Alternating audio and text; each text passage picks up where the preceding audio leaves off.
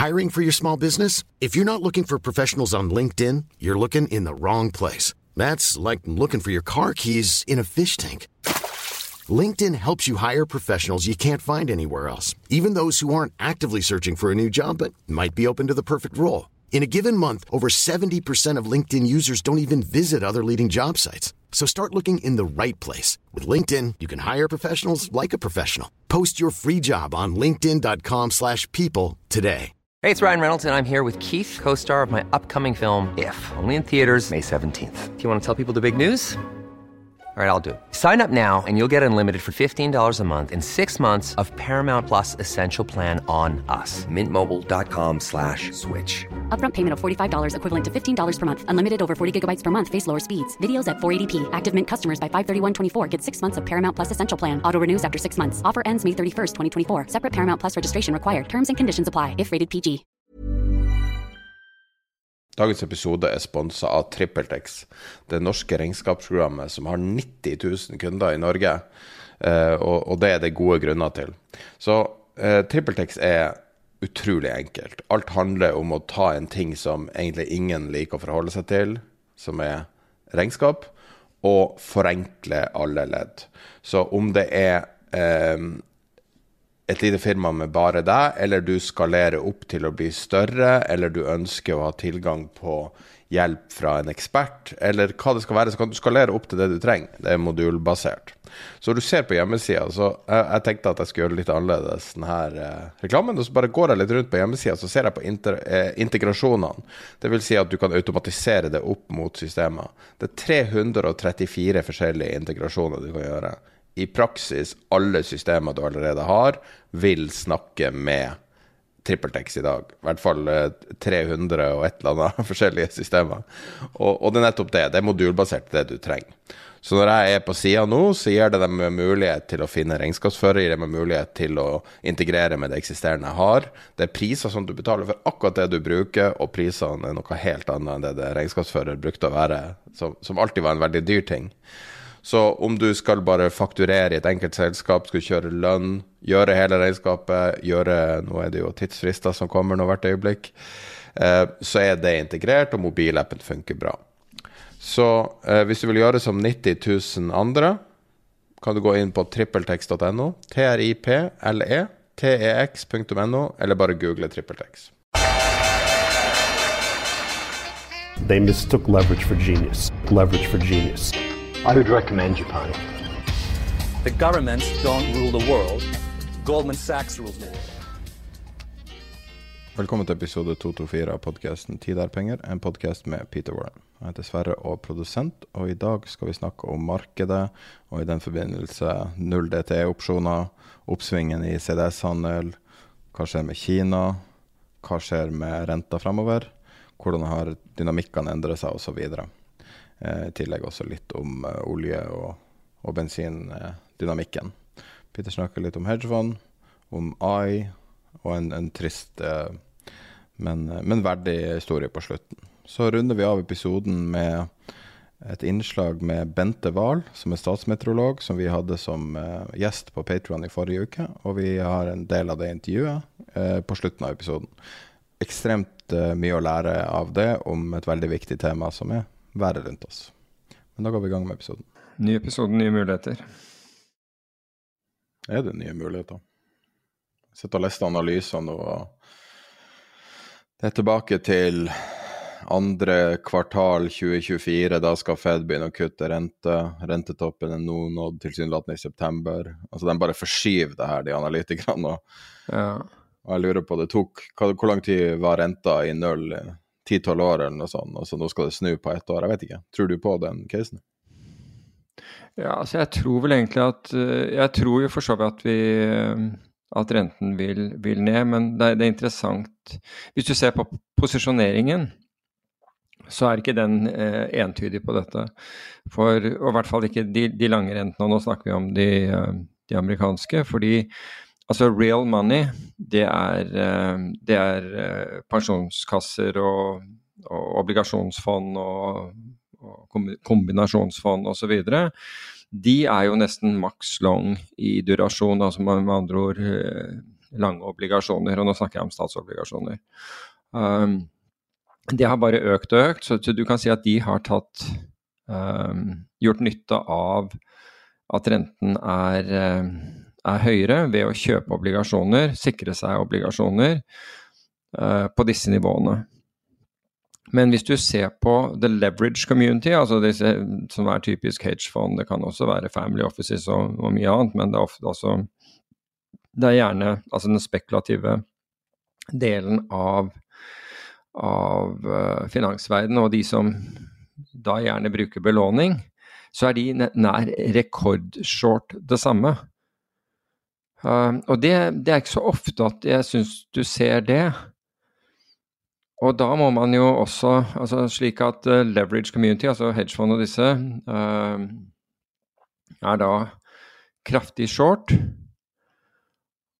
Så de har da helt motsatt oppfatning av the long community. Du, men, men, så kan man ut av det begynne å tenke seg altså hvem er det som har de sterke hendene her? Hvis det skulle komme til en konfrontasjon mellom disse to. Og det er jo opplagt at det er pensjonskassene og de og, og kombinasjonsfond, obligasjonsfond osv. Fordi eh, altså de ikke-belånte aktørene for de blir ikke tvunget til å gjøre noe. Um, fordi kursene endrer seg. De kan sitte med disse posisjonene. altså De må jo ta hensyn til kortsiktig gevinst og tap, altså de, eller på den måten at de er nødt til å, å, å føre dem. Men det tvinger dem ikke ut av posisjonene, fordi de har ikke finansiering på posisjonene. Mens det har um, de belånte. Så hvis dette kommer til en konfrontasjon altså mellom, mellom disse to, altså, så, vil, så, vil, en kapitulasjon fra de som er uh, altså the leverage community, igjen hedgefond og andre, spekulanter med, med belåning, ha mer dramatiske Eh, kunne føre til mer dramatiske kurssvingninger enn den andre siden. Så det, det, er, å, det er, verdt å, ta med seg. Så, men det er, det er vidt. Det er liksom vidt forskjellig eh, oppfatning. Det skal sies at veldig mange av, av hedgefondene hadde helt rett på dette eh, i fjor, men da gikk vi tross alt fra, fra det som du beskrev som nær nullrente, og altså tiårig amerikansk stat var vel nede i en halv prosent. Uh, og muligens bitte litt lavere enn det. Um, og, og, til nå hvor det er, det er 4 så, Men det er, det er, interessant å se at, at man har fortsatt, altså til tross for eh, de fikk jo, Mange av disse, disse, aktørene fikk jo kjempegevinster i fjor som følge av, å ha vært short. altså Da er de short obligasjoner, og obligasjoner faller når renten stiger. bare så vi forklarer den uh, mekanikken i dette. Uh, og nå men, men, det til tross, altså da, så du har liksom fått med deg en La oss si at du har da, at du, at du satt hele veien. Du har da fått med deg at tiåringen faller fra, fra ca. En, en, rente på en halv prosent til, til nå ha en rente på 4% som, som etter min oppfatning gjør tiåringen veldig mye mer attraktiv å eie på dette nivået enn da. Men, det er, men dette, har med, dette, har jo med, forventninger om Fed og forventninger om, eh, om, inflasjonen. Og du var inne på det, for jeg så du, du sendte dette hvor uh, Mohammed El-Arian hadde uttalt at mye av nedgangen i, uh, inflasjonen skyldes, blant, skyldes energiprisene, og han henviste vel til bensin, hvis jeg ikke tar feil altså prisen på bensin, og det, jo, det for, og det er jo for så vidt riktig. For vi husker alle, både vinteren og fjorårets, uh, gass- og, og drivstoffpriser. Altså I Norge så har det jo forblitt på det samme, bortimot, så men uh, Jeg har et svar på det, da. Ja, kom igjen. Uh, raffinerimarginene globalt har skutt i været. Ja, det, altså det er akkurat som...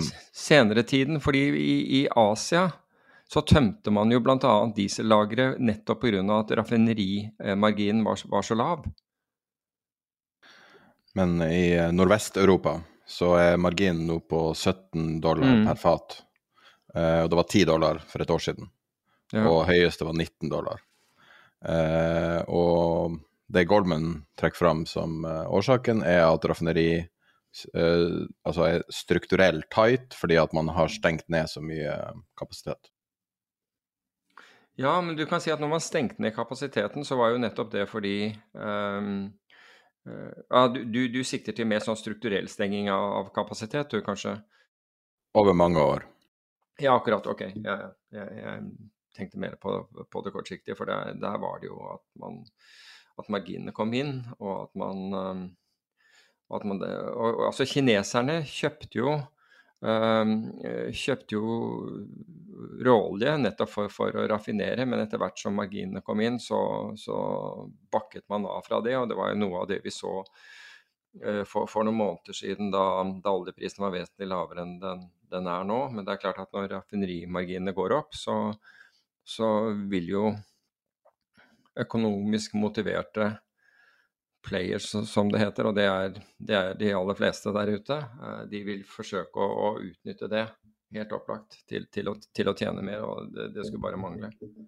Så Men, eh, men ja, altså, vi har jo vi, vi, vi, kan jo egentlig bare kjapt gå til det, fordi den, den asseten, altså det aktiva som, som, steg mest i forrige uke, det, det var jo Hollands gass um, som, steg, uh, som steg 16 i, i, i, forrige uke, men som én dag var opp 40% på en dag. Og det dro jo med seg bl.a. kull, så du kan si mens, uh, mens da hollandsk gass, altså den, det, det, vi vanligvis kaller europeisk gass, denne TTF, var opp 16 så, så steg både Eh, både kull og amerikansk naturgass 8 i, i, i, forrige uke. Og det var jo forankret i en mulig streik, tro det eller eh, i Australia, eh, som forsyner verden med, med opp mot 20% av, av LNG. Og ved et av disse LNG-verkene så stemte 99% av av eh, arbeiderne for å gå til streik. Og det ble sett på som ekstremt eh, dramatisk og medførte da denne voldsomme oppgangen. Nå har det roet seg, eh, roet seg noe ned, og det er, det er, forhandlinger i gang. Men den biten der, kombinert med at uh, asiatiske lagre for LNG er lave, og da tenker man på Japan, Sør-Korea, så, så, var man redd for at dette skulle endre balansen veldig, veldig raskt. Så du kan si at altså, så sårbar er verden i øyeblikket. Og jeg syns det står Selv om de aller fleste aksjemarkeder, eh, eh, Oslo et hederlig unntak, eh, var ned i forrige uke, så er det jo på en måte ingen dramatikk der ute. Men vi har da ting som vår energileveranse som er så volatil at, at du får gassprisen til å stige 40% på en dag. Det er klart at da er det, da er det mye, mye, som skjer. Da, da er det, det er en sånn fortsatt en merkelig altså disharmoni mellom finansmarkedene og det som foregår ellers i verden, etter min oppfatning. da. Ja, Det spesielle der er jo at gassmarkedet er jo ofte et ganske lokalt marked. Så mm. du har et amerikansk marked, et europeisk marked, og så har du LNG-markedet. Eh, for så vidt asiatisk også, men jeg vet ikke hvor stort det er. Men LNG-markedet er jo globalt fordi du kan transportere det.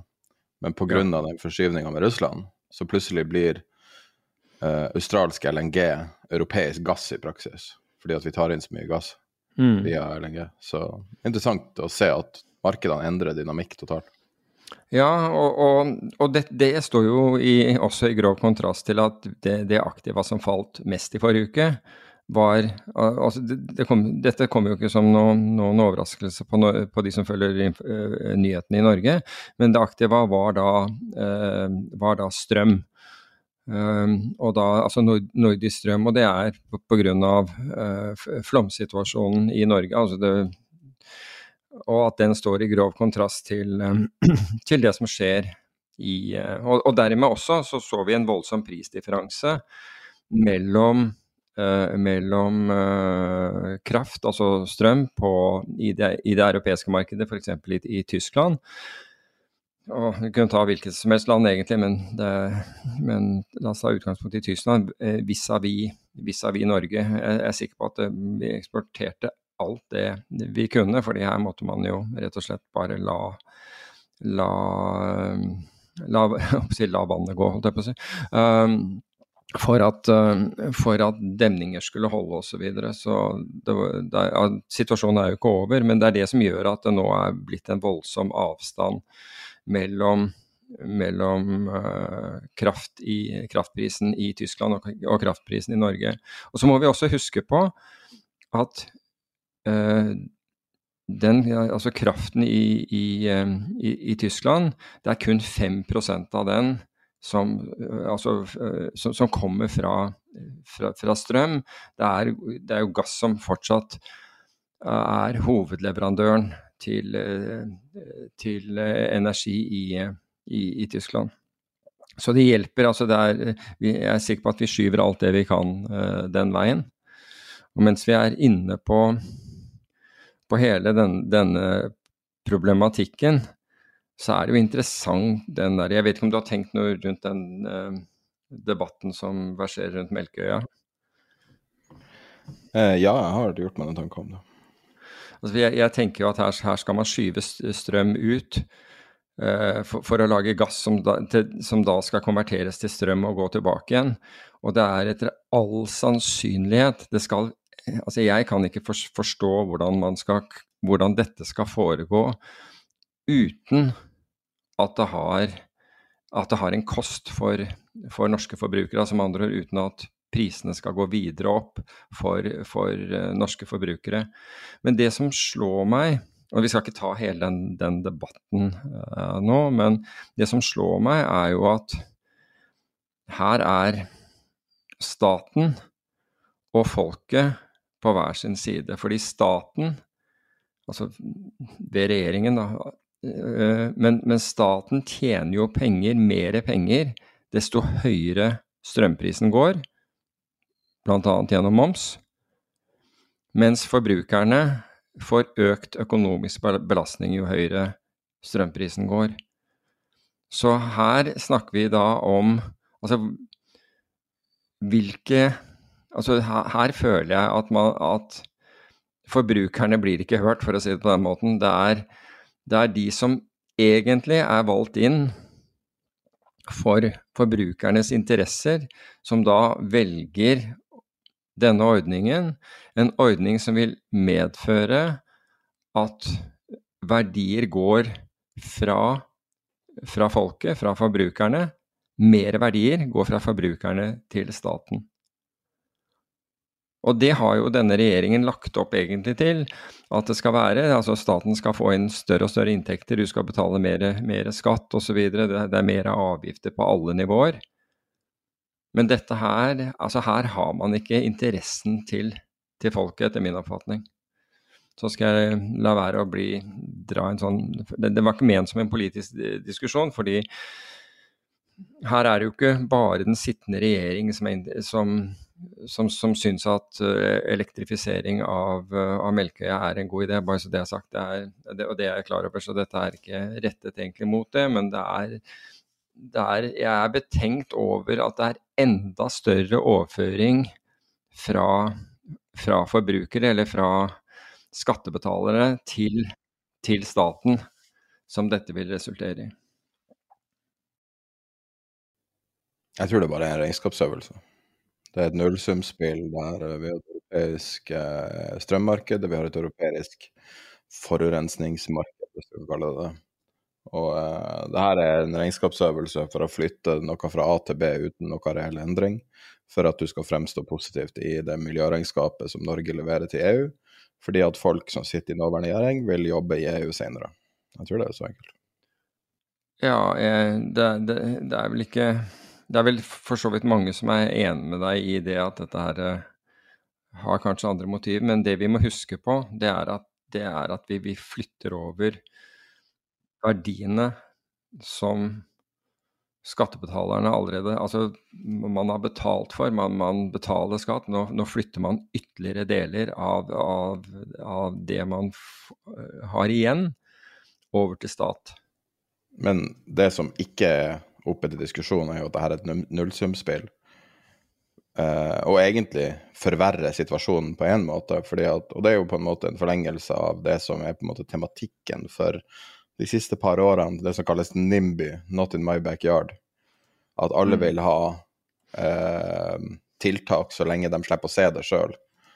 Og um, her har vi da uh, et land som produserer veldig skitten energi i enorm skala, Norge. Og så skal vi prøve å late som at vi ikke gjør det. Så vi skal prøve å, å lage en sånn fake grønt filter over det. Men siden vi tar strøm ut av nettet, og det er lite sannsynlig at vi klarer å fylle opp det nettet, så vil vi jo tømme det europeiske nettet for strøm. Mm. Og det europeiske nettet er jo kull og, og, um, kull og gass, primært. Ja. Sånn at uh, da ender du bare opp med å flytte i praksis den gassforurensninga noen hundre kilometer sørover. Ja, poeng det. Og det er, det er jo faktisk det, det, du gjør, men det er Motivene kan man diskutere, men ja. jeg syns det er ganske åpenbart hvorfor man fighter for det. Også. Jeg vil også mm. tro at når man er så upopulær som sittende regjering er, så tenker man kanskje at hvis, hvis, det er ti år til neste gang jeg sitter i regjering, 20 år, 30 år, 40 år, så må, hvis vi gjør noe, så må vi gjøre det nå. Koste hva det koster vil. Vi kommer ikke til å få makt igjen med det første. Mm. Basert på, bare basert på meningsmålingen, ikke er ingen. I have no dog in this fight. Nei, altså Alle har vi vel en dog eh, in this fight, i og med at uh, man prøver å få hjulene til å gå rundt. Og av, mediene så kan vi se at stadig, stadig, færre får hjulene til å gå rundt. Og, og færre skal det bli hvis, uh, hvis, vi får ytterligere renteøkninger, som det, er, som det, for så vidt er mye som tyder på at vi, at vi får. Så, så da blir det enda trangere. Og den norske gjeldsveksten, og som du var inne på sist, det har blitt advart mot av bl.a. Finanstilsynet um, i, en, i en årrekke, den er høy. Og jeg tror at det kan være litt som Altså, inflasjon er, er ekstremt vanskelig å håndtere.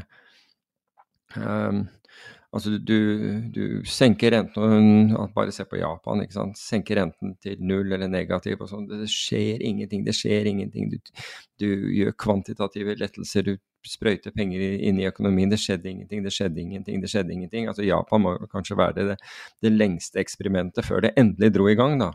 Nå skal det sies at, at liksom nå begynner begynner å fyre, men det, det viser hvor vanskelig det er å å håndtere det. Og, på samme måten så tror jeg også det er vanskelig, altså det, det er vanskelig å micromanage renten, fordi jeg tror det er, er, er sånne plutselige terskler, og vi, vi har fått nok av det, det er nok av røyk der ute som sier at virksomheter går dårlig, og, og enkelte bransjer fortviler på, på, på, det rentenivået som er nå, hvor det rett og slett ikke foregår noe. Altså Hyttebygging er, er av, en av dem. Uh, bilsalg er en annen. Men det, det er mange, mange, slike ting. Og plutselig når det et punkt hvor, hvor det brister, mye brister samtidig. Og så skal man da tolke dat disse dataene og, inn, og, og vurdere hvorvidt dette her er tilfeldig. Eh, eller ikke. Altså, er dette bare en blipp i dataen, det vi ser nå? Nå ser vi plutselig mye konkurser, eller mye at namsmannen advarer, eller, eller og, og, slike ting. Um, og, og, skal vi dermed bare fortsette der vi er, eller skal vi begynne å gjøre noe med det? Men, men jeg tror at i de aller, aller fleste tilfellene så er man for sent ute. Og så blir skadevirkningene større enn det man, man trodde. Og det er nettopp fordi man, man tror at man kan micromanage ting. Du må altså, Av og til så må vi la ting få lov å virke først. Og en av de tingene som har forhindret at eh, Eller i hvert fall forsinket eh, Forsinket er nok riktig, riktigere ord. Eh, virkningen av den norske renteoppgangen, det er faktisk spareraten som da steg i altså ut ifra korona, hvor folk klarte å bygge opp en cash-reserve og så har man tæret på den foreløpig. Og så tenker man ja, dette her kan jo ikke vare evig. Renten var jo, var jo på mm, under 1% for, for kort tid tilbake. Det kan, dette kan jo ikke fortsette. Men så er det det der at ting går lenger enn man tror. Og det er det øyeblikket når, når valget fratas deg. Det er akkurat som å ikke ta en stopplås, ikke kutte et tap eh, så, som du sitter på, spesielt hvis du er belånt. Fordi det, det, kommer sikkert tilbake, det kommer sikkert tilbake. Og så, og så tvinges du ut på nesten den absolutt dårligste, dårligste tidspunktet.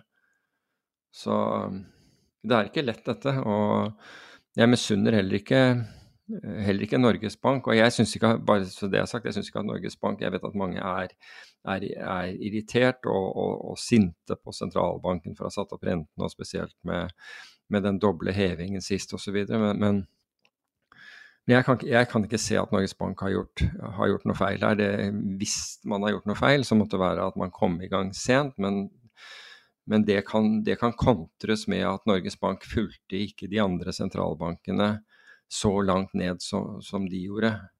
Så vi, vi, får nå se. Rentemøte denne uka? Ja, klar over det. Forventningen er 0,25? Ja.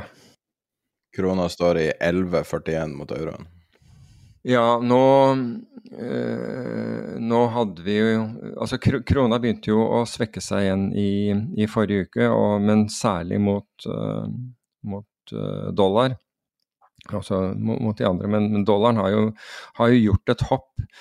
Uh, og, og, problemet med dollaren er at dollaren var en av, og nå snakker jeg internasjonalt, var jo en ganske kraftig shortet valuta, for man mente at dollaren var, var for høy.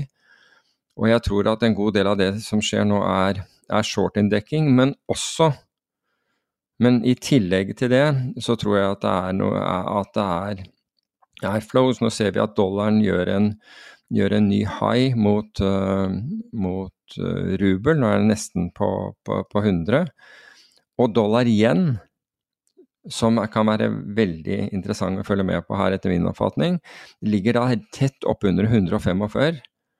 Uh, og dette var, dette var, nivået hvor Bank of Japan gikk ut og advarte for, for ja, var det noen måneder siden advarte markedet for noen måneder siden. Så nå begynner vi å nærme oss altså Her skal, vi, her skal man følge med litt. Grann. Får jeg lov å sitere en kunde i Goldman ja. som, um, som, er såpass merittert at uh, en uh, av deres mest profilerte analytikere på sales-teamet deres der, som er mer sånn dag-til-dag markedsorientert, um, valgte å sitere han i analysen. Det er ikke så ofte du ser det. Over the next 12 months, the market is, going to learn the following. While the Fed is the 800 pound gorilla of global front ends, the BOJ holds the title for the back end. And the back end is the discount rate that matters for risk asset. Mm. Det vi så i ikke forrige uke, men uken før, og uh, de tallene fikk vi i forrige uke, var jo faktisk at de japanske investorer altså de store unnskyld, japanske pensjonskassene, eh, gikk ut og kjøpte, eh, og, og kjøpte obligasjoner, altså tiårsobligasjoner. Men de kjøpte ikke bare sine egne, de kjøpte faktisk i, eh, i, også, også, amerikanske. Så, så det, er noe, det, er jo noe, som foregår, og, og, og det er store bevegelser i GIL-kurven, og det kommer jo inflasjonsdata denne uken. Så det er mange ting som, som kan, eh, som kan, føre til volatilitet. Det er helt opplagt. Det som var, var, interessant å se i forrige uke, det var jo for øvrig at, eh, at TLT, den, denne ETF-en som har da uh, statsobligasjoner med 20 års, uh, 20 års løpetid, den var opp 0,6. Mens BND, som er da en ETF som har statsobligasjoner med ti års løpetid, begge amerikanske, var ned 0,53% Så her var, det, her var det liksom litt skift i, eh, i, i kurven, syns jeg. Uh, Brent var for øvrig opp uh, altså Brent var opp 0,7 i, uh, i, i forrige uke. Så mye skjer samtidig, men hvis jeg skal se litt på de andre tingene altså det var, det var jo Bulkrater gikk jo i, i, forrige uke faktisk opp, eh, opp 9 eh, så er det, det, kan man handle gjennom en ETF. Um, på, på negative siden så nevnte vi da, eller positivt for oss, da, når, eh, når når kraftprisen faller, er det jo positivt for norske forbrukere, men negativt eh, fortegn for, for, avkastning. Etterfulgt av Tesla, som var ned 7% ARK, som var ned 6% og den AI-en, den ene som vi følger med på, eh, altså en ETF på, som da har selskaper som driver med øh, og utvikler kunstig intelligens, var ned 4 Det er største nedgangen jeg har sett der på lenge, men det vi skal være oppmerksom på når det gjelder den, den, Eh, den sistnevnte ETF-en er at den er opp 35 eh, hittil i år, så, så eh, den, ligger godt an, for å si det på den måten. Hvis jeg kan ta en digresjon på dette, her, så så jeg at, at en tidligere megler, nå investor, Åshild Tvetreit, hadde Dette var jo både flere sider i Finansavisen og kanskje en side i, i DN, men han hadde da Eh, en avkastning, en, en annualisert avkastning på 40% siden 2011. Uh, og han, hans, uh, hans, siktemål er da å, å, bli like god som, uh, som Buffett og, og, Charlie Munger. Men jeg vil jo påstå at ingen av dem har hatt 40% annualisert avkastning siden 2011, så han er, han er forbi dem. Godt forbi dem. Og, det var en lytter som diskuterte, eller var noen lyttere som diskuterte det? Oh, ja. De sa at hvis du gira 4X på eh, OECBX i perioden, så fikk du den avkastninga. Okay. Okay. Ikke det at jeg sier at han har gjort det, men nei, nei, nei jeg hadde inntrykk av at han er en aksjeplukker. Men, men, du kan si at Og han greier, han var helt imot all kortsiktig trading. Det var bare å si, kjøpe aksjer som var undervurdert og bli sittende på dem. og det og det har jo tydeligvis fungert for han, men, men, siktemålet hans, hvis du har 40 av avkastning, altså analysert avkastning siden 2011, altså da tror jeg Citadel og Millennium kommer til å ringe, ringe ham om, om, om, kort tid hvis det blir kjent. fordi jeg tror at da tror jeg de store forvaltningsmiljøene i verden vil stå i kø for å ansette der. Omtrent den beste avkastninga jeg noen gang har hørt om hvis det er ugira. Han sier det er ugira, men uh... Ok, men men i hvert fall um, Nei, det, det, er ikke den beste. For hvis du sammenligner med bitcoin i samme perioden, så har den en analysert avkastning på 161 Bare så det, det er jo ikke en portefølje, da? Nei, det er ikke en portefølje. Det er, det er en, uh, noen som har funnet opp penger på nytt og sier det her er penger, og du kan lage penger ja, ja. i stua. Jeg vet ikke om det er representativt i denne sammenhengen. Jeg, jeg, vet ikke, jeg bare sier at Altså, Mummikopper er jo også masse opp. Har du fått med deg at det er rally på Mummikopper? Nei, jeg, men jeg så et bilde hvor folk sto i kø for å kjøpe Mummikopper. Ja. Og, og finne fullt opp av folk som eh, skal selge Er vi der igjen nå, liksom? Tror du det er havbris? Folk elsker å kjøpe ting for at de håper skal gå opp i verdi. Ja, ja. Det, det er helt riktig. Og det gjenspeiles vel bl.a. også i uh, disse opsjonene som har én dag til forfall. Altså eller null dag. Kan vi snakke litt om det? Ja, det kan vi gjøre. Vi har uh, lagd ut noen saker på tiderpenger.no i dag, og det kommer også i nyhetsbrevet. Uh, det har vært rekord nå på handelen av uh, sånne opsjoner som forfaller samme dag. Mm. Null DTE-opsjoner. Og uh, på SMP 500 ETF-en så er det mer enn halvparten av hele volumet. Vi har ikke data mm. på hele markedet, men det jeg tror jeg er ganske representativt for markedet. Så det markedet som til tider kan drive, de, altså drive kursen i seg sjøl, som det også har gjort mange fredager, når de her tingene ofte forfaller, um, er nå på et nivå vi bare aldri har sett maken til. Vi vet ikke hva det her udyret er for noe. Og jeg tenker tilbake til 1987 med Portfolio Insurance, og jeg tenker tilbake på, på sånne fenomener, altså dotcom-aksjer, liksom. Altså, er det her en sånn en?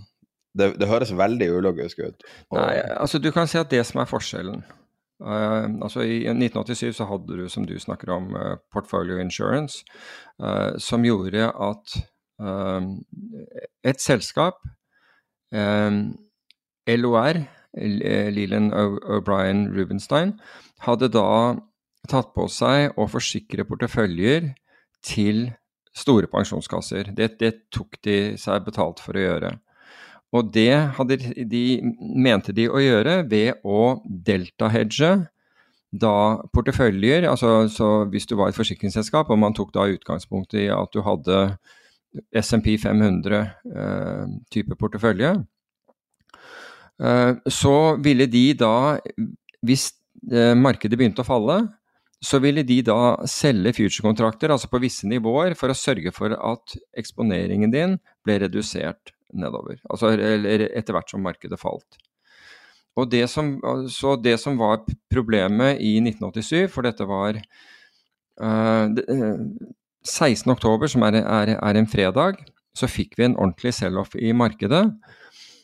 Og det som, var, som da trigget da eh, porteføljeforsikring, og så begynte man da å selge future-kontrakter. Problemet var at man hadde tatt på seg å forsikre så store porteføljer at markedet ikke klarte å absorbere future-selgingen. Slik at når de begynte å selge, så fikk de ikke solgt i nærheten av den kursen de skulle. Og Vi må også huske på at her brukte man bl.a. opsjonsmodeller for å kalkulere hvor man skulle, hvor man skulle selge hen. Og, i, og, en av de største, synes, for, etter min oppfatning, den største feilen i opsjonsmodeller, det er at den ikke tar hensyn til likviditet på noen måte.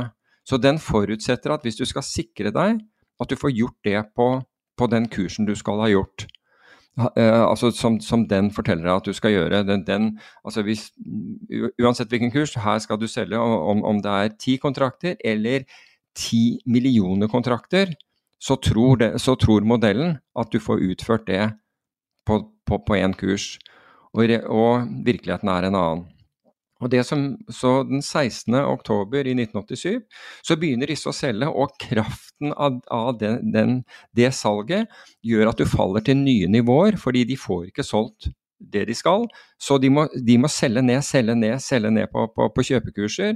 Og så driver de da eh, Dow Jones-indeksen ned 100 poeng. Og det var en stor bevegelse, husker jeg, den dagen. For det var Dow Jones vi egentlig fulgte med på, selv om vi, man tradet SMP. Men Dow Jones var liksom benchmark-indeksen. Uh, så kom man da til mandagen, og da vet alle som var på gulvet den dagen, og alle som var liksom veldig godt connected, meg er ekskludert, bare så det er sagt, at det ligger et voldsomt overheng av future-kontrakter fordi de fikk ikke solgt, de fikk ikke solgt det de skulle.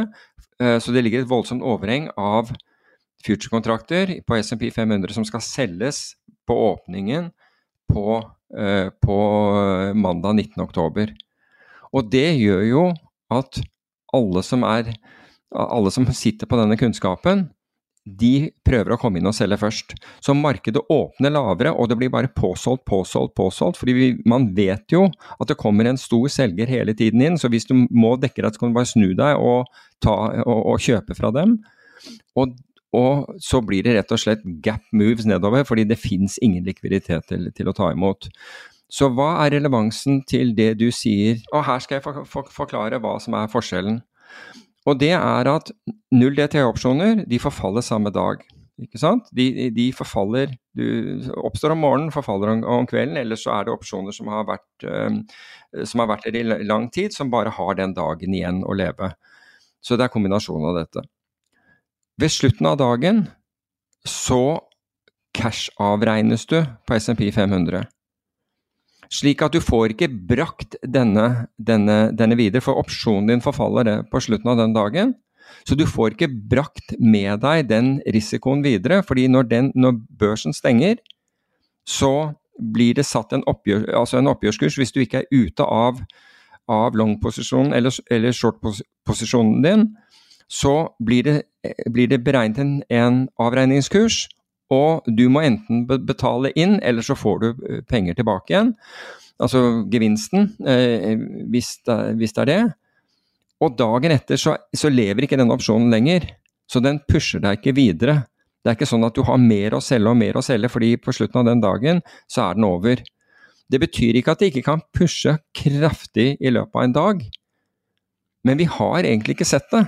Altså, vi, vi ser av og til sånne kraftige spikes i løpet av dagen, men de er på en måte, måte innafor uh, den rangen vi er vant til. Det bare går veldig mye fortere innenfor det. For hvis du sitter og følger markedet liksom fra markedet fra minutt til minutt, eller fra sekund til sekund om du vil, så ser du, så ser du, så ser du effekten av dette.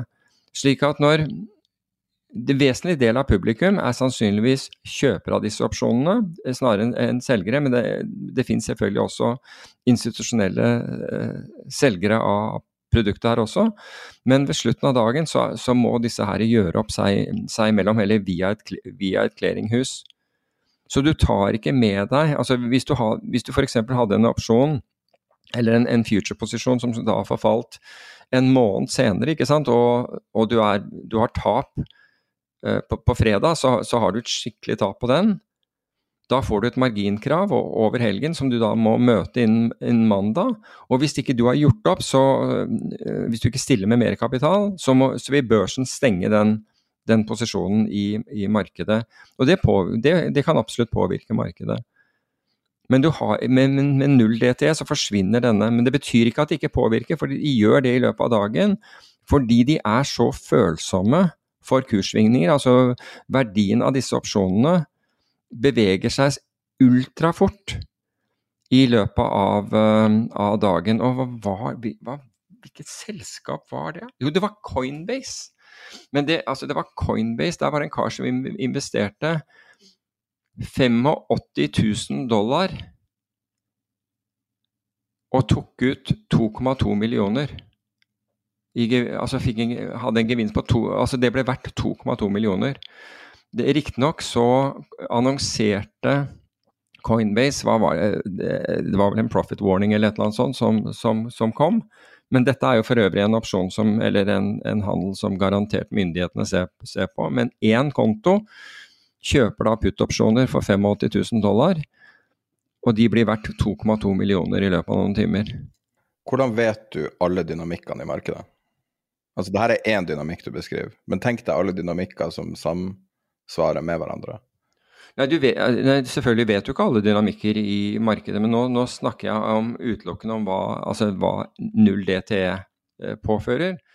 Men av samme grunn som at man ikke så hvordan portfolio insurance kunne få en uh, negativ spiral, så er det vanskelig før ting skjer, å se dynamikkproblemer. Man kan vite at de er der, men poenget mitt er bare at uh, det, her er, det her er så, blitt så stort at det blir et monster som er vanskelig å forstå og forklare.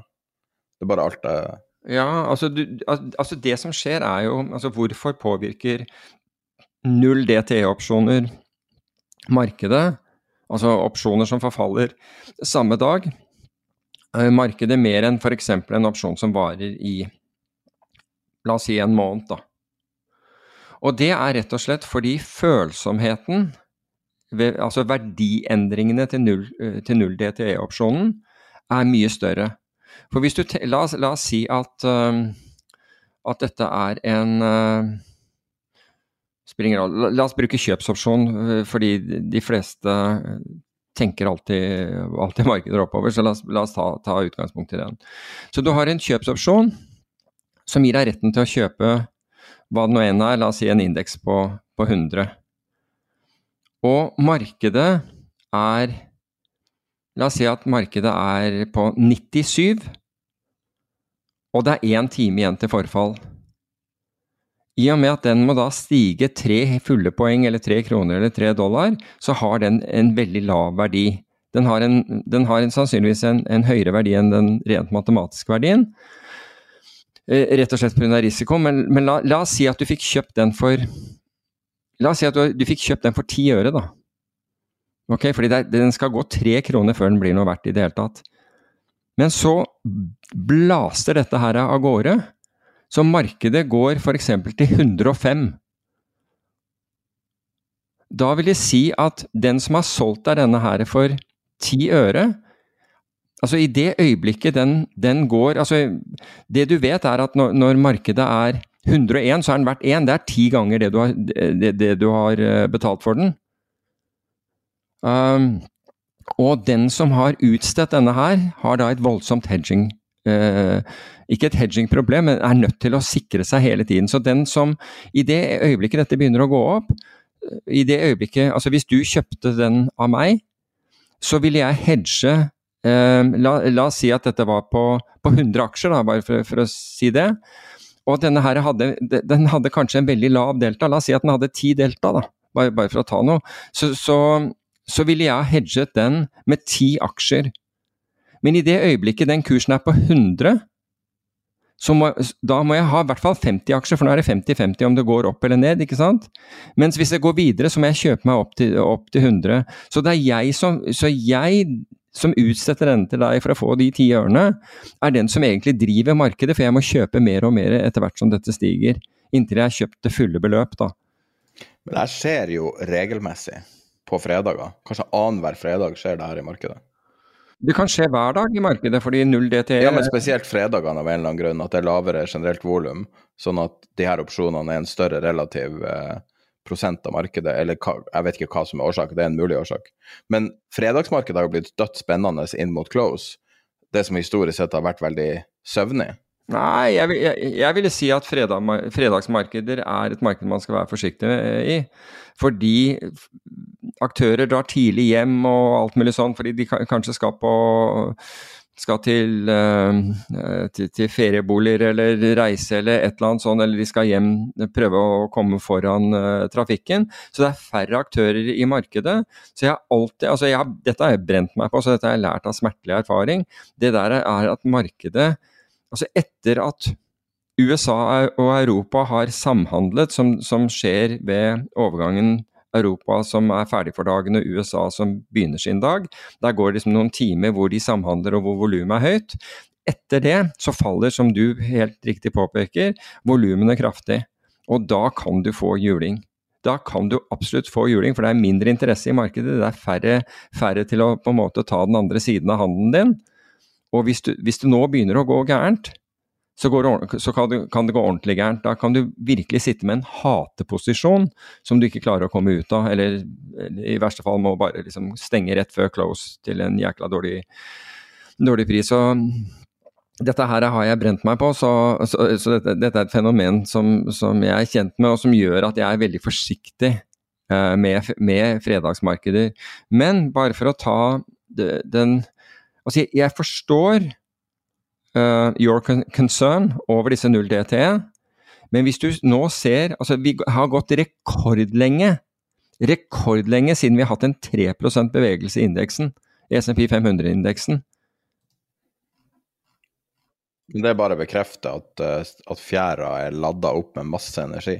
Ja, det, det kan den være, men jeg bare ja, CDS-markedet boomer nå, f.eks. Når var sist gang det skjedde? I 2012, kanskje?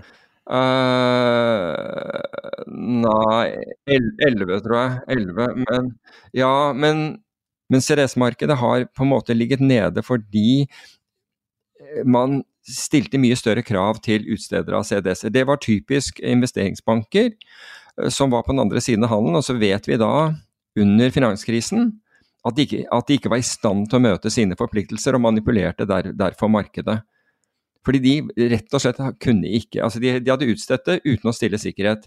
Som kunde måtte du, selv om du altså Hvis du var kjøper av, av, av CDS-en, altså med andre ord du betalte forsikringen, så måtte, så måtte, du ha nok penger. altså Du måtte stille sikkerhet, for, slik at de visste at du fikk inn premien. Ja, det, er som, det er akkurat som forsikringsselskapet ditt sier ja, ok, du, du, kan gjerne kjøpe husforsikring, men, men, men vi vil ha vi, vi, vi ønsker en, en, bankgaranti for at du kan betale. Mens den som utstedte dem, måtte ikke betale noe hvis det var, altså hvis det var banker. De, de, gjorde ingenting. Og etter finanskrisen så endret myndighetene på dette, rett og slett fordi de så at dette her var uh, mildt sagt ubalansert, og krevde at utstedere også måtte stille, uh, stille kapital. Og dette kom samtidig med Eh, at man ble mer restriktive på, på bankenes egenhandel og krevde mer kapital dersom de skulle drive med det, og det gjorde at det, tør det markedet tørket inn. Og så begynner det å komme nå, fordi det har vært en, en, en, god del etterspørsel, men det kommer sakte, men sikkert. Men i det siste, jeg er helt enig med deg, Altså, vi har, sett, vi har sett markedet vokse sånn jevnt og trutt tilbake igjen i indeksene, men veldig få har vært villige til å, å handle single names. Og single names, dvs. Si f.eks. at du skulle ha ja, CDS på Tesla da, eller et eller annet sånt, altså et, eh, på enkeltselskaper. Det, det, var mye lettere å få gjort CDS-er og i hvert fall ha et og ha konkurransedyktige priser, både, altså kjøps- og salgskurser, på indekser, rett og slett pga. diversifiseringen som ligger i det. enn det var på single names. Men nå ser vi at etterspørselen etter single names har økt kraftig, og også at Og jeg, jeg regner med at det er i mindre grad investeringsbanker, så kan godt hende at det er forsikringsselskap, skaper selv, og, og altså store institusjoner som, som, er villige til å utstede disse. Så vil du vite hvem de kjøper CDS på? Hvem de kjøper dem av? Ja, så hvem de kjøper det på. Hvordan navn de store. Ja, hvis du Ja, gjerne. Her. Okay. Eh, på investment grade så er det største ATNT, Bank of America, Verizon, General Motors, Goldman Sachs og Boeing. Og på high yield er det Ford, uh, eh, RCL, altså Royal Caribbean, uh, American Airlines, Carnival og uh, United. Ja, på, på disse cruiseskipene, altså Der har jo der, der, har det jo vært en ordentlig short squeeze, faktisk. Så det at, at de også har vært utsatt for at Eh, for at eh, man ville forsikre gjeld, det, det, det, forstår jeg, fordi man trodde at det skulle bli mye mindre aktivitet etter, etter covid og når, når kostnader på, på, reise gikk kraftig opp. Men det, har, men det, har, ikke skjedd, slik at det har vært noen ordentlige short squeezes i, innenfor RCL og, og, og Carnival og disse. Så så, så, det at det, er, at det har vært CDS-interesse der også, det, det forstår jeg. Men, uh, men CDS-markedet er, er, altså er, ikke like godt. Fortsatt ikke like altså Det er bredere spredder, og det er, det er ikke like godt som det var altså godt, eller kall det hva du vil, eh, eh, som det var før, før finanskrisen. For vi gjorde, vi gjorde, en del CDS da, og, og, noe, og du fikk gode, konkurransedyktige priser. Men dette, man må huske at det er for øvrig et OTC-marked, så du er nødt til å ringe opp en hel haug kan vi bare ta, ta noen begrepsforklaring. Så, du, eh, så, CDS, Credit Default Swaps, ja. det er i praksis forsikring på gjeld som noen ja. andre har. Og du trenger ikke å inn i gjelda for å kjøpe forsikringa. Så det er som å kjøpe brannforsikring på nabo sitt hus, det er det det blir beskrevet som. Og så OTC er over the counter, uh, og det er mer et marked som er ikke på børs, forbeholdt profesjonelle. Dette er et marked som du ikke kan ta del av, med mindre du er veldig proff. Og så nevnte du at spreaden går ut. Ja, altså det, det, betyr at det er dyrere å handle, ikke sant? for det er, større, det er større avstand mellom kjøper og selger. Og i, i dette OTC-markedet som står for over the counter, og betyr at det ikke er på børs, så bruker man gjerne Bloomberg for å se hvor, hvor de forskjellige ligger. Men du har ingen garanti for at de er villige til å handle på de kursene. Og det betyr jo f.eks. at at du må ha ISTA, eh, altså en ISTA-avtale, altså en, en, en, uh, en, bilateral avtale mot en hel haug av meglerhus, altså, eller, eller, investeringsbanker, da, for, at du, for, at du, skal ha en, noenlunde frihet og ikke bli offer for at de vet hvilken vei du er. Og det, det, det skjedde under, under, finanskrisen. altså La oss si at du hadde vi hadde kredittbeskyttelse på, på spansk nasjonalgjeld, som vi hadde da kjøpt av Morgan Stanley. Og når vi går tilbake igjen til Morgan Stanley, så stiller de da en pris hvor selgekursen deres er under kjøpekursen til andre i markedet. Fordi de vet hvilken vei vi er. Og hadde det ikke vært for at vi hadde ISTA-avtaler, så, så, hadde vi, altså, så, hadde vi, jo Vi hadde jo ikke tapt på denne handelen, for den, var, den, hadde gått veldig, veldig langt vår vei. Men da hadde du blitt snytt for en solid del av gevinsten.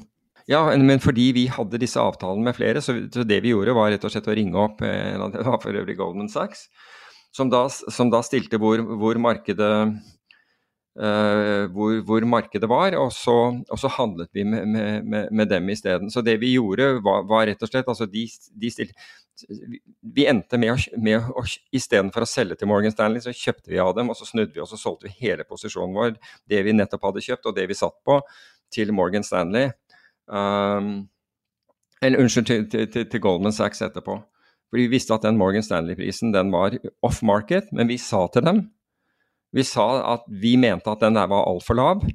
Og da fikk vi bare liksom bjeffende tilbake. Vil du handle eller vil du ikke? ikke sant? Altså, jeg stiller der jeg mener er riktig, og var, øh, var, var liksom på det nivået. Så sa jeg greit, fordi de visste at da var det på tape at vi hadde sagt at dette her, vi mente at dette her var under markedet. Så når vi da kjøpte istedenfor å, å, å, å kjøpte av dem istedenfor å selge til dem, så, så, ble ikke den relasjonen god fremover, for å si det på den måten. Men, men vi hadde gjort det som var riktig uh, i, i, forhold til hvordan man skulle, skulle opptre. Så, så det, er, det, er, ulempen med disse med, med OTC-markeder. Men, men, du sier at det er at du får lov å kjøpe forsikring på, på naboens hus, altså brannforsikring på naboens hus osv. Det er jo, det er jo den liksom, kritikken som rettes mot mot CDS-markedet. Men det er akkurat det samme når du kjøper en salgsopsjon på, på, på et hvilket som helst selskap som du ikke har aksjer i. Det er akkurat det samme. Du, du, har anledning til å du, du, har et syn på at den kursen er for høy, og selger den uten å eie den. Så, så den, den uh, brann er, ble brukt overfor politikere for at eh, altså, man prøvde å få nullet ut kontrakter man hadde forpliktet seg til. Ikke minst Warren Buffett, som, eh, som vi nevnte i sted, hadde utstedt tonnevis av, av CDS-kontrakter, og han forsøkte å få de Uh, få de nullet ut ved, ved å jobbe politisk, uh, også mot, uh, mot det amerikanske finanstilsynet, som da ikke var villig til å høre på det tullet i det hele tatt. Så han måtte da betale. Apropos han der norske investoren som vil emulere eh, Warren Buffett. Ja. Da burde han kanskje bli forsikringsmann i stedet for investor, for det er jo egentlig det Warren Buffett har vært de siste 20-30 årene. Han er jo verdens største reassuranseaktør. Så hvis du kjøper en forsikring, så er det kanskje 50 sjanse for at din motpart direkte er Warren Buffett. Ja, nettopp. Der, der ser du. Så jeg, jeg, tenker jo også at med, hvis du har hatt 40 og analysert avkastning og, og, og leter etter, no, etter liksom å noen som du kan ha som, som forbilde, eller som du, skal, som du, skal, gjøre det bedre enn, så får du gå til uh, Jim Simons, som da har hatt 60 uh, eh, årlig avkastning siden lenge før det. Uh, og, og, det er artig fordi uh, Tvetreit sier liksom at ingen kortsiktig, det, det, hadde han ikke noe sans for der. Og det er mer sånn sitte ett til tre år eller et eller annet sånt på disse. Mens Jim Simons har da tjener da nemlig pengene sine på kortsiktig. De sitter sjelden mer enn et døgn eller noe sånt nå, på, på, på det lengste på, på sine posisjoner. Så, men det er bare fascinasjonen ved, ved finans, er at det fins muligheter til å, til å, tjene penger i det korte bildet så vel som det lange. Altså det, er, det er ikke én formel for å, å, tjene penger, det kan gjøres på, mange forskjellige, mange forskjellige måter. Men mens vi er inne på på, på, på Jim, uh, Jim, Simons, altså uh, Renaissance Technologies, som er eller Renaissance Technology Medaljen heter det, det, det fondet.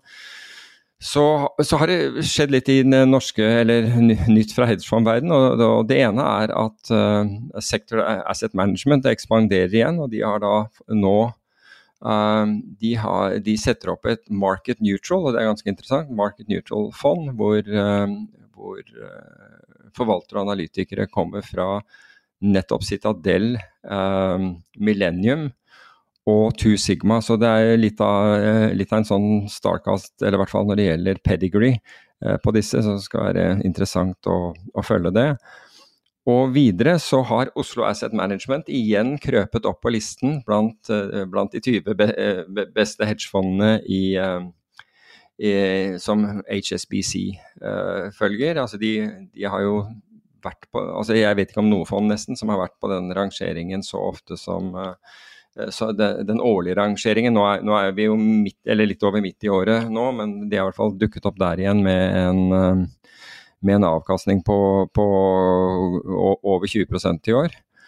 Og så helt til slutt så så jeg at, det leste jeg for øvrig i dag, at kinesiske hedgefond, der er 18, der er 18 hedgefond uh, lagt ned. Det er klart at Det kinesiske markedet har ikke, har ikke gått én vei som det gjorde tidligere. Nå, det, nå, går det også nedover, og da, sånn, da, da kan man jo lure uh, hva de har tjent pengene sine på. Men 18 fond er lagt ned, og det er det meste uh, siden, uh, siden, covid, hvor jeg tror det var 32 fond som, som ble lagt ned. Så det, det var liksom nyhetene fra, fra hedgefondverdenen. Når du nevner Kina, så kan vi jo ta Vi har jo kanskje begge litt forsurna på Kyle Bess. Når man snakker om CDS-er, så er det veldig naturlig å snakke om Kyle Bess. Han forvalter et, eh, og forvalter fortsatt et hedgefond som har klart det kunststykket å ha rett to ganger. Veldig mange har rett én gang, men å ha rett to ganger er veldig sjelden. Nå har ikke han eh, hatt så mange store call som har gått riktig vei de siste årene, men han traff jo både finanskrisa og eurokrisa etter hverandre og ble en legende. For å si det mest. Eurokrisen, da tenker du på den europeiske gjeldskrisen, ikke sant? Ja, 2011-2012. Og um, jeg faktisk møtt han en gang, eh, og, og uh, veldig hyggelig kar og, og alt det der.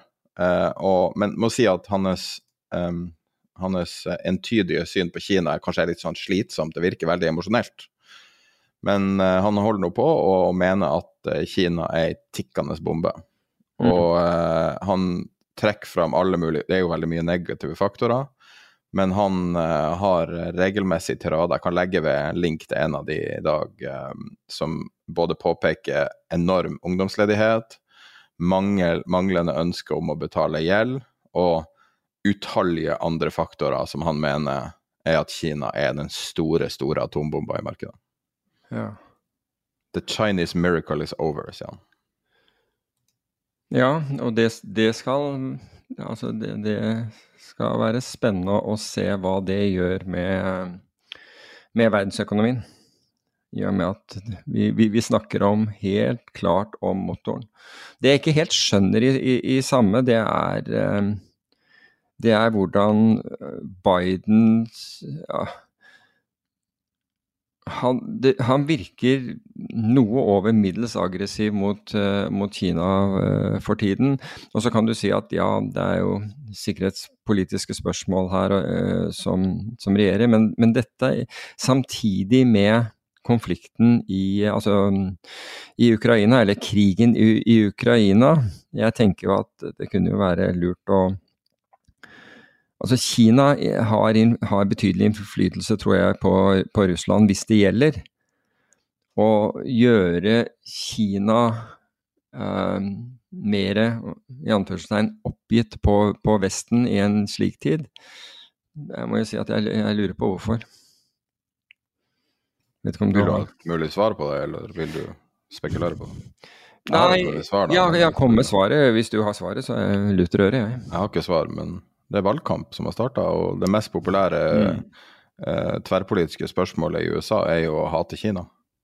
Ja. Det eneste de er enige om. Ja, altså dette begynte jo altså Det var jo Trump som satte dette her i gang. Men jeg, jeg trodde jo at uh, Jeg trodde faktisk at, at, Biden ville dempe på dette, men, uh, men jeg, jeg, jeg syns ikke det. Og tross alt, the stakes have become a lot higher uh, i og med krigen i Ukraina, så Altså å ha Kina i anførselstegn på lag for å forsøke å dempe aggressiviteten til, til Putin, tror jeg ikke hadde vært dumt. Men uh, det er som du sier, ja, det kan være at det er valgkamp som, uh, som gjelder. Men, uh, men, men. De er jo litt sånn over gjennomsnittlig opptatt av det i USA. Så. Mm.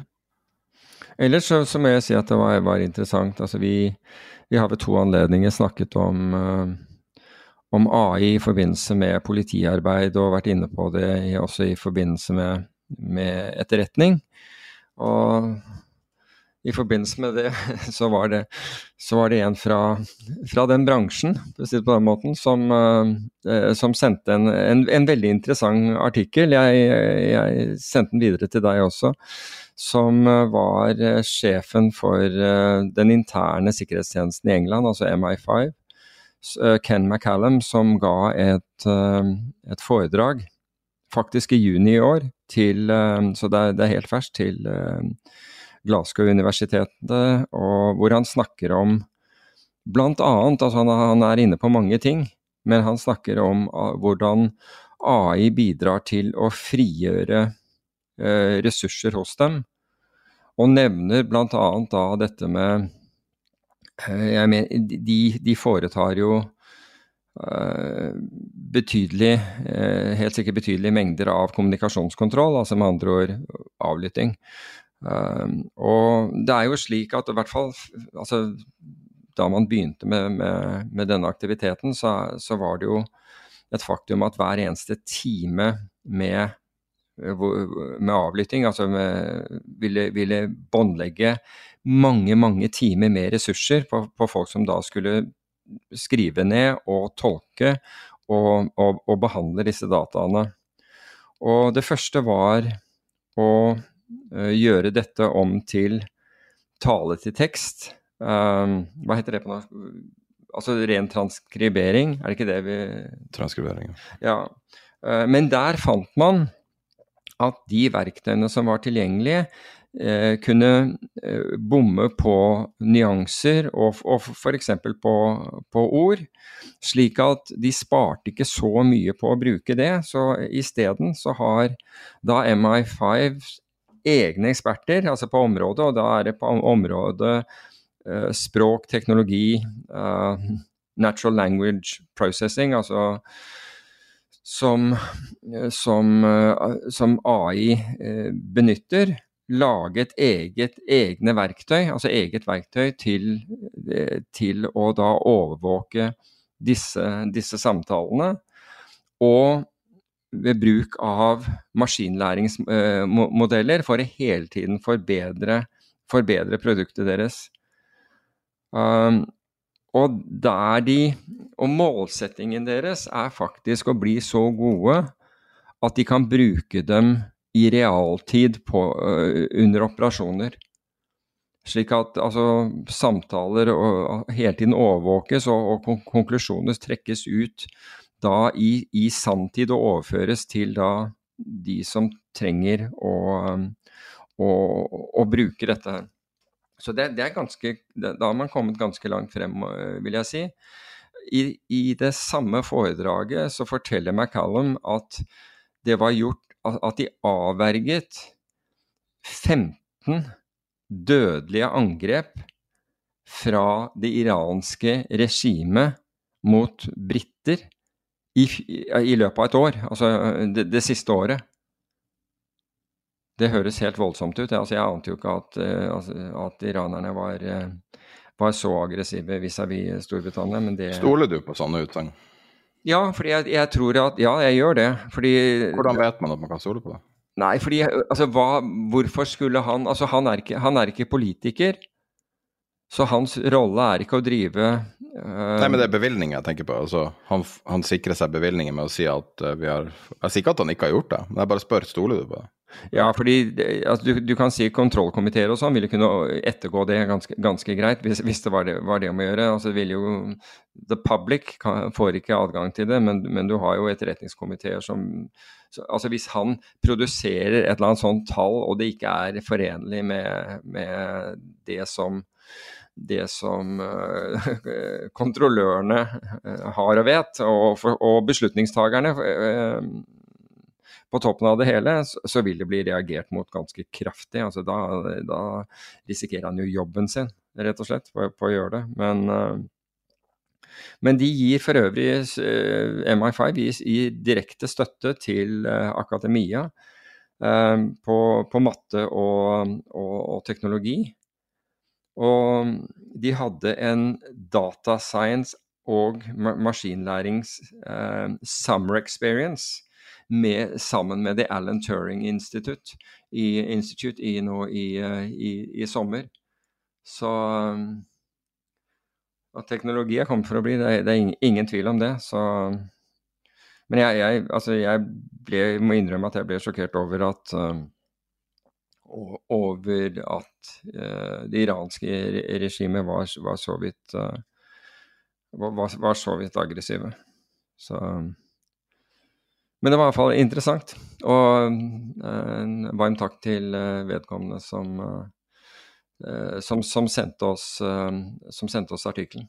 Som for øvrig finnes på MI5s hjemmeside, hvis det er noen som følger den. Ja har kanskje Det har vært med på noe trist denne uka, eller forrige uke, hvis du vil snakke om det. Ja, det Kjetil Hatlebrekke da ble man kan jo nesten si eh, omsider eh, bisatt i, eh, i, forrige uke. Og, og, hvorfor jeg tar det opp eh, her og nå, det er egentlig for å takke Jeg har forstått da eh, i ettertid at at vi, det var en rekke av våre lyttere uh, som, som, var der. Jeg var ikke klar over at, uh, at dette var uh, annonsert i, i, mediene, men i og med at domkirken var full, så kunne man tenke seg at, at, at så var. For det, egentlig så var det jo meningen, var dette planlagt for juni. Men, men urnen kom ikke til, til Norge. Og, og derfor så ble det, ble det utsatt til, til over, over, sommeren. Men, eh, men, ville, men som sagt, fra, fra eh, direktemeldinger så har jeg forstått at, at flere av våre lyttere var der. Og jeg vil bare takke dem for, for å, ha, å, ha, vist han den, den, respekten. Det var som sagt en, en full domkirke. og dette var eh, arrangert av folk fra Forsvarets spesialkommando og Marinekommandoen, og det var, altså det var rett og slett eh, en flott, men, eh, men selvfølgelig eh, trist eh, trist dag og seremoni, men det, det, skal sies at, eh, at, at den var Ikke bare var den i Kjetils ånd, men den var da veldig nøye planlagt uh, av, av, Kjetil. Altså han han uh, altså Som vi vet, da, han fikk ikke bestemme over livet. Han klarte ikke å gjøre noe med det, men han tok uh, absolutt full kontroll over døden. Så det skal sies at han gjorde. Og, så alt var etter Kjetils ånd og ønske. Um, jeg må jo si at uh, noen av de, de uh, hva heter det, sanger eller salmer som, som, var der, jeg tror du måtte være uh, Du måtte ha en ganske solid bakgrunn i bedehusmiljøet for å, for å gjenkjenne dem. Men, men Sølvguttene var der, og det, var, ja, det var rett og slett en, en, en, en flott i det, kan, i det, man kan kalle det da, en flott uh, seanse helt uh, i hans ånd. Og til og, med, til og med presten, altså han hadde jo valgt alt. Presten kom da fra, også fra, fra Forsvaret. Og det var flotte taler i, uh, i kirken, og det var, etterpå, det var også flotte taler på, i Oslo militære, Oslo militære samfunn etterpå. Uh, forsvarssjefen var der, sjef uh, for E-tjenesten, politi, UD uh, stilte opp. Og, og, han fikk en virkelig verdig avskjed, og så var det en var det en Etter Oslo Militære Samfunn så var det en et opplegg eh, på, også på Akershus, altså innenfor på innsiden av, av, av Akershus for, eh, for en, eh, en, mindre krets. Og der, der dukket også folk opp som, som, da ikke kunne være i ikke kunne være i kirken. Så alle fikk, eh, alle fikk sagt, eh, sagt, farvel. Og som sagt, det var en verdig farvel. Og ja, nok en gang takk til, til eh, lyttere som både stilte opp og forsøkte å hjelpe ham da han var i live, og viste han respekt etter at livet, var, livet hans var over. Da kan vi kanskje runde av eh, denne episoden med et klipp fra et intervju vi gjorde i forrige uke, som ble lagt ut på vår Patron-side. Eh, det var et stort informasjonsbehov. Kanskje ørlite mindre nå, men jeg vil si at det fortsatt er ganske stort og knytta til det vi ser som har vært i en ganske dramatisk værsommer, og spesielt den siste uka. Eh, så vi hadde en eh, aldri så liten uh, statsmeteorolog innom. Og uh, vi fikk intervjua hun Bente Wahl, og fikk intervjua hun på om å stille noen spørsmål om hva som skjer, hva hun tror det kommer til å skje, osv. Så, så vi kommer til å runde av denne episoden med å, å spille av en del av det intervjuet. Hvis jeg bare kan skyte inn før, før du avslutter, da, at en varm takk til uh, Bente Wahl for å ha stilt opp. fordi dette temaet er til de grader aktuelt. Um, og dessverre, holdt jeg på å si, så, så kommer det til å, å fortsette å, å, være det. Og jeg syns hun, uh, hun, var veldig tydelig. Uh, og bidro veldig til, til, å løfte vår forståelse for, for hennes fag. Men da klipper vi inn til det intervjuet. Og så er vi tilbake eh, senere i uka, trolig med noe på Patrion. Og så er vi tilbake neste mandag med en ny episode. Akkurat det som har forårsaka det vi har sett de siste ukene, det kan vi jo se liksom, det er en værhendelse. Det starta egentlig med et uh, tordenvær i forbindelse med et lavtrykk nede i Italia. De kalte det Petar. Ehm, så begynte det å gå litt eh, nordover eh, over Øst-Europa. Og så hadde de også et lavtrykk ja, dette var sånn torsdag-fredag. Og så hadde de et lavtrykk over England med kraftig vind. De kalte det Antoni.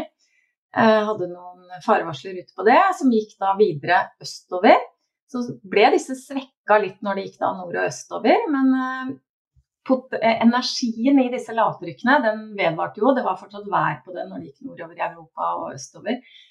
Um, så slo de seg litt sammen, og så kom de over Østersjøen og fikk enda mer energi. Og så ble det da det lavtrykket som vi kalte Hans, da, som eh, vi har da ute um, mye regn på. Det har jo ikke vært voldsomt kraftig vind i det lavtrykket, så det er jo ikke en storm i den forstand, men det er da kraftig nedbør med instabile luftmasser. Så det er liksom den den konkrete årsaken til at vi fikk dette været akkurat nå. Og det kommer jo da inn fra Øst-Europa og nordover mot Sverige, og inn en bane som egentlig er ganske uvanlig for oss. De fleste av våre ekstremvær de kommer jo inn fra Atlanterhavet, inn mot eh, gjerne Vestlandet eller Nordvestlandet. Drar med seg noe vær over til Østlandet også, men uh, veldig sjelden at vi får disse kraftige systemene da inn fra øst. Så det var egentlig en ganske ny situasjon for oss varslingsmeteorologer også. Hvordan tolker man det du sier nå, at det er en ny situasjon? For min oppfatning er jo akkurat det samme. og Når man ser på TV og ser forklaringer, så kommer det jo veldig ofte i en viss bane eh, å, å følge det samme ruta. Hva det betyr at, at det kommer fra en helt annen plass? Ja, Det er vanskelig å si nå, for det er jo sånn med både vær og klima at når vi har én hendelse, så kan vi ikke si at den er årsaken til noe. fordi vær er nå engang sånn at det er sjelden noen hendelser er lik. Så denne hendelsen isolert sett må vi jo på en måte tolke som en isolert hendelse. Men med mange ting som har skjedd de siste årene, og som du sier, det, det er jo rekorder og rekorder og klimaendringer og så, så, gir det jo også en sånn liten Er dette noe vi kommer til å se oftere? Er det, er det noe som kommer lavtrykkene, kan klimaendringene gjøre at banene nå tar en ny bane. Men vi kan ikke si noe eksakt om dette lavtrykket, men det setter jo i gang en tankegang hos oss som jobber med det. At det, det skjer uvanlige ting. Er dette bare én hendelse nå, eller er dette noe vi kan forvente at gjentar seg? og sitter jo med en følelse at uh, dette må vi være litt mer obs på nå i framtiden. At uh, at værhendelser er annerledes. For det har vi jo sett flere eksempler på i de siste årene. Det ene eller det andre. At ting blir annerledes. Og nå skal det jo sies at disse værmodellene er ganske gode, så de tok jo denne hendelsen ganske godt, gudskjelov. Men eh, det er klart vi var litt spente fordi vi ikke har sett det før, også vi som har jobba ganske lenge. Eh, og da er det sånn Klarer modellene våre å ta denne værhendelsen? Det vet man jo ikke før det er over. Uh, vi har sett mye ekstremvær i år, uh, som kanskje er litt mer ekstremt enn det man er vant til. Vi har hatt en rekke hetebølger i Europa, til og med der jeg er fra, i Tromsø og i Finnmark er det nesten 30 grader nå når det er relativt kaldt på, Østlandet. Du har um, en rekke forskjellige ekstremvær i USA. Du har bl.a. i Arizona hatt de uh, helt absurde varmerekorder. vi har sett 1000 millimeter nedbør i utenfor Beijing og en million mennesker på flukt pga. det. Um, det virker å være uh, Du har varmerekord i Andesfjellene. Um, det er varmerekord på Svalbard, så vidt jeg vet. Det, det er mye ekstremvær. Henger det her sammen? Det er klart det henger sammen. Alt vær henger sammen uansett på kloden. Og vi, er, vi blir påvirka her i Norge av hva som skjer rundt omkring i verden. For Værsystemene er globale, de foregår høyt oppe i atmosfæren. Og det som skjer i USA, det som skjer i Kina, det påvirker oss. Um, det som kanskje er nærmest for oss, er jo det som skjer i USA. For når vi har tropiske stormer i USA, så følger jo de polarjetten og, og går um, østover. sånn at ofte så får vi restene av disse tropiske stormene der. Men dette skal gå rundt hele kloden, høyt oppe i atmosfæren. Og alt som da skjer av eh, misforhold, eller hvordan, hva man skal kalle det, rundt omkring i verden, det påvirker oss. Og det hjelper liksom ikke hvis, hvis eh, temperaturen endrer seg et annet sted på kloden, så vil det gi konsekvenser for været også her. Og det er et veldig komplekst system. Eh, kan kanskje sammenligne det litt med økonomi. Det som skjer i Kina og USA, det påvirker til syvende og sist også Norge, selv om vi kanskje er litt sånn lukka hjemme. Og vi er jo relativt heldige, vil jeg si, selv om vi nå har fått virkelig merke på kroppen at eh, det skjer ting med været her hjemme òg, både med varme og nedbør. Så er vi jo relativt heldige. Det er greit å påpeke det i forhold til andre steder i verden hvor disse klimaendringene og disse endringene i værsystemene påvirkes i en mye, mye større grad enn her hjemme. Og i tillegg så må det jo, er jo vi godt stilt med at vi har mulighet til å både forberede oss på ekstremvær, vi kan eh, bygge bedre veier, vi kan lage demninger. Vi har penger til å gjøre noe med det. Og vi har også penger i etterkant, noe som andre steder i verden kanskje ikke er like godt stilt, som har det mye verre enn oss. Eh, vanntemperatur virker å være en faktor for oss amatører som prøver å forstå hva som skjer. Og når du nevnte nettopp at det her starta i Italia, så har det vært snakk om at det var veldig høy vanntemperatur utenfor Italia. Eh, over 30 grader har jeg lest, jeg kan ikke bekrefte det, men, men, veldig varmt. Og vi har også hørt om at i Florida og ut av kysten er det badevannstemperatur i vannet. Um, så vidt jeg har skjønt, og igjen, korriger meg hvis jeg sier noe feil, men temperatur i vannet påvirker på en måte, fungerer som et batteri på uh, stormer. At det kan, hvis det er høyere temperatur, så får du mer ekstreme stormer. Og når du har det i Italia, som kanskje altså La oss si at det forårsaker det. Er, er det her en faktor som vil påvirke stormene eh, som vil ramme Nord-Florida og, og sørkysten av USA, og til slutt Norge senere? Ja, helt klart. Eh, vanntemperaturen er veldig viktig, fordi energien til lavtrykkene er jo fuktighet og temperaturkontraster. Eh, når det da er varmt hav, så fordamper det mer vann. Når alt dette vannet jo, jo, høyere temperatur vi har i lufta, jo mer vann kan lufta inneholde før det begynner å regne. Og når det da er varmt i havet, varmt i lufta, det fordamper masse vann, det klarer å holde seg i lufta. Men når det da kommer innover områder som ikke har så høy temperatur, så må dette vannet ut. Og jeg kan bekrefte at det var 30 grader i vannet i Italia, for jeg dro ned den dagen hetebølgen starta og var der til dagen etter den var avslutta. Det var veldig varmt i vannet. Um, så jeg tror nok ikke helt klart at det var rundt 30 grader der. Og vi har jo også en El Niño nå, som gjør også at man normalt sett når man har El Niño, har da varmere hav, som gjør at det fordamper mer fuktighet. Og da blir også generelt temperaturen på jordkloden eh, høyere. Og vi har jo hatt da rekorder for eh, høyeste globale temperatur flere ganger i sommer. Og det gjør jo da Vi hadde også ekstremt varmt vann oppover her i Skandinavia tidligere på sommeren, i juni, hvor det var så veldig varmt. Og Det gjør at det blir mer vann i atmosfæren, og dette vannet skal ut et eller annet sted. Og nå fikk jo vi vår del av det med dette ekstremværet hans. Så varmt vann er um, noe man absolutt må følge med på, for alt henger sammen. Det er ikke bare atmosfæren, det er like mye vannet og havstrømmer og hva som skjer der. Stemmer det at vi er de første av to El Niño-år nå? Ja, det stemmer. Og det blir verre til neste år. ja. Uh, man har jo tenkt at denne linjen skulle komme egentlig ganske mange år nå, for det er gjerne en syklus, men det forskyver seg litt. Grann. Så man venta egentlig på det litt i fjor og litt i forrige fjor, og så har den på en måte, men nå har den kommet. Og det er jo gjerne når vi har El Niño-år at vi får disse globale eh, rekordene. 2014, hvis jeg ikke husker det feil, jeg går litt sur i årstallet her, så, så var vi jo forrige Eh, temperaturrekord. Og eh, det er vel ikke usannsynlig at vi ser en del. Vi har jo allerede sett en del rekorder, så det blir jo spennende å se hvordan dette året oppsummerer seg når året er ferdig.